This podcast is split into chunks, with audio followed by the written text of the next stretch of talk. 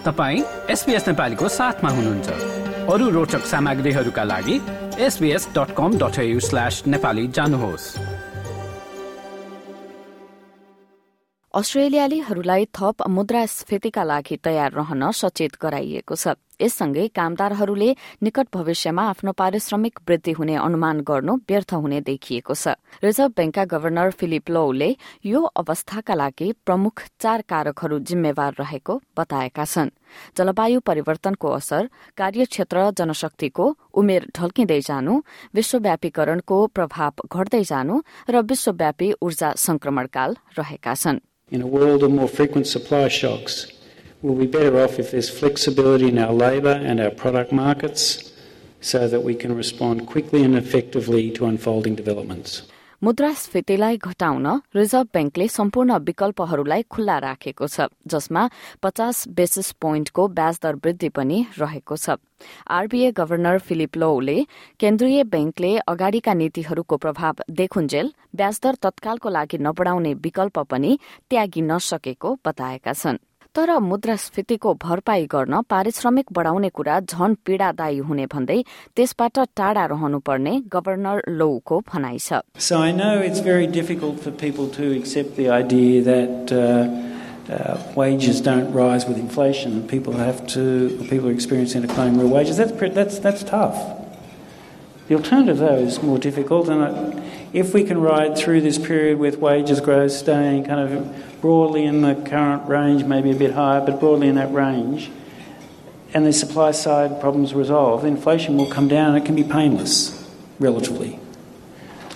But if we all buy into the idea that wages have to go up to compensate people for inflation, it will be painful. So best avoid that. राष्ट्रिय अपाङ्गता बीमा योजना NDIS सम्बन्धी संघीय मन्त्री bill सर्टनले भने यसको विरूद्धमा बोलेका छन् एबीसी संघको कुराकानीमा उनले पारिश्रमिक हलचल नै नहुनु भनेको निकै खराब कुरा भएको बताए At the end of the day, I'm watching these coalition conservative politicians and some of the senators, you know, stroke their chins and opine how terrible it is if wages go too far. The problem is wages are not going too far. The problem is they're not moving at all. The problem is that we've got an energy shock caused by the conflict in Ukraine. The problem is we've had people fall behind. This isn't a question that the wages system will unlock faster than inflation wage rises. I do not believe that is the case at all. But where you've got inflation going up 7.5% and wages aren't moving at all, that's a 7.5% wage cut.